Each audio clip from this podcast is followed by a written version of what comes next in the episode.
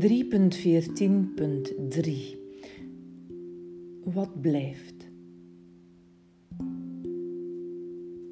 In een wiel van herhaling blijft migraine zich opdringen.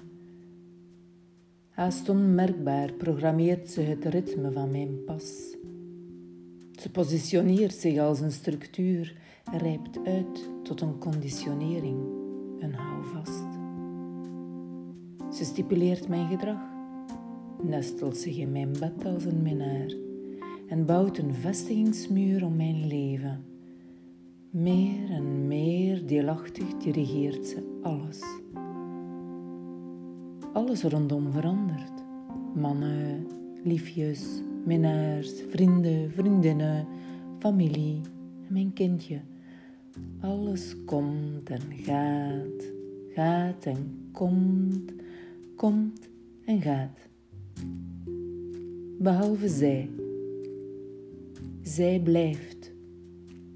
Alleen zij. Maar hoe werkt zo'n relatie met een ziekte?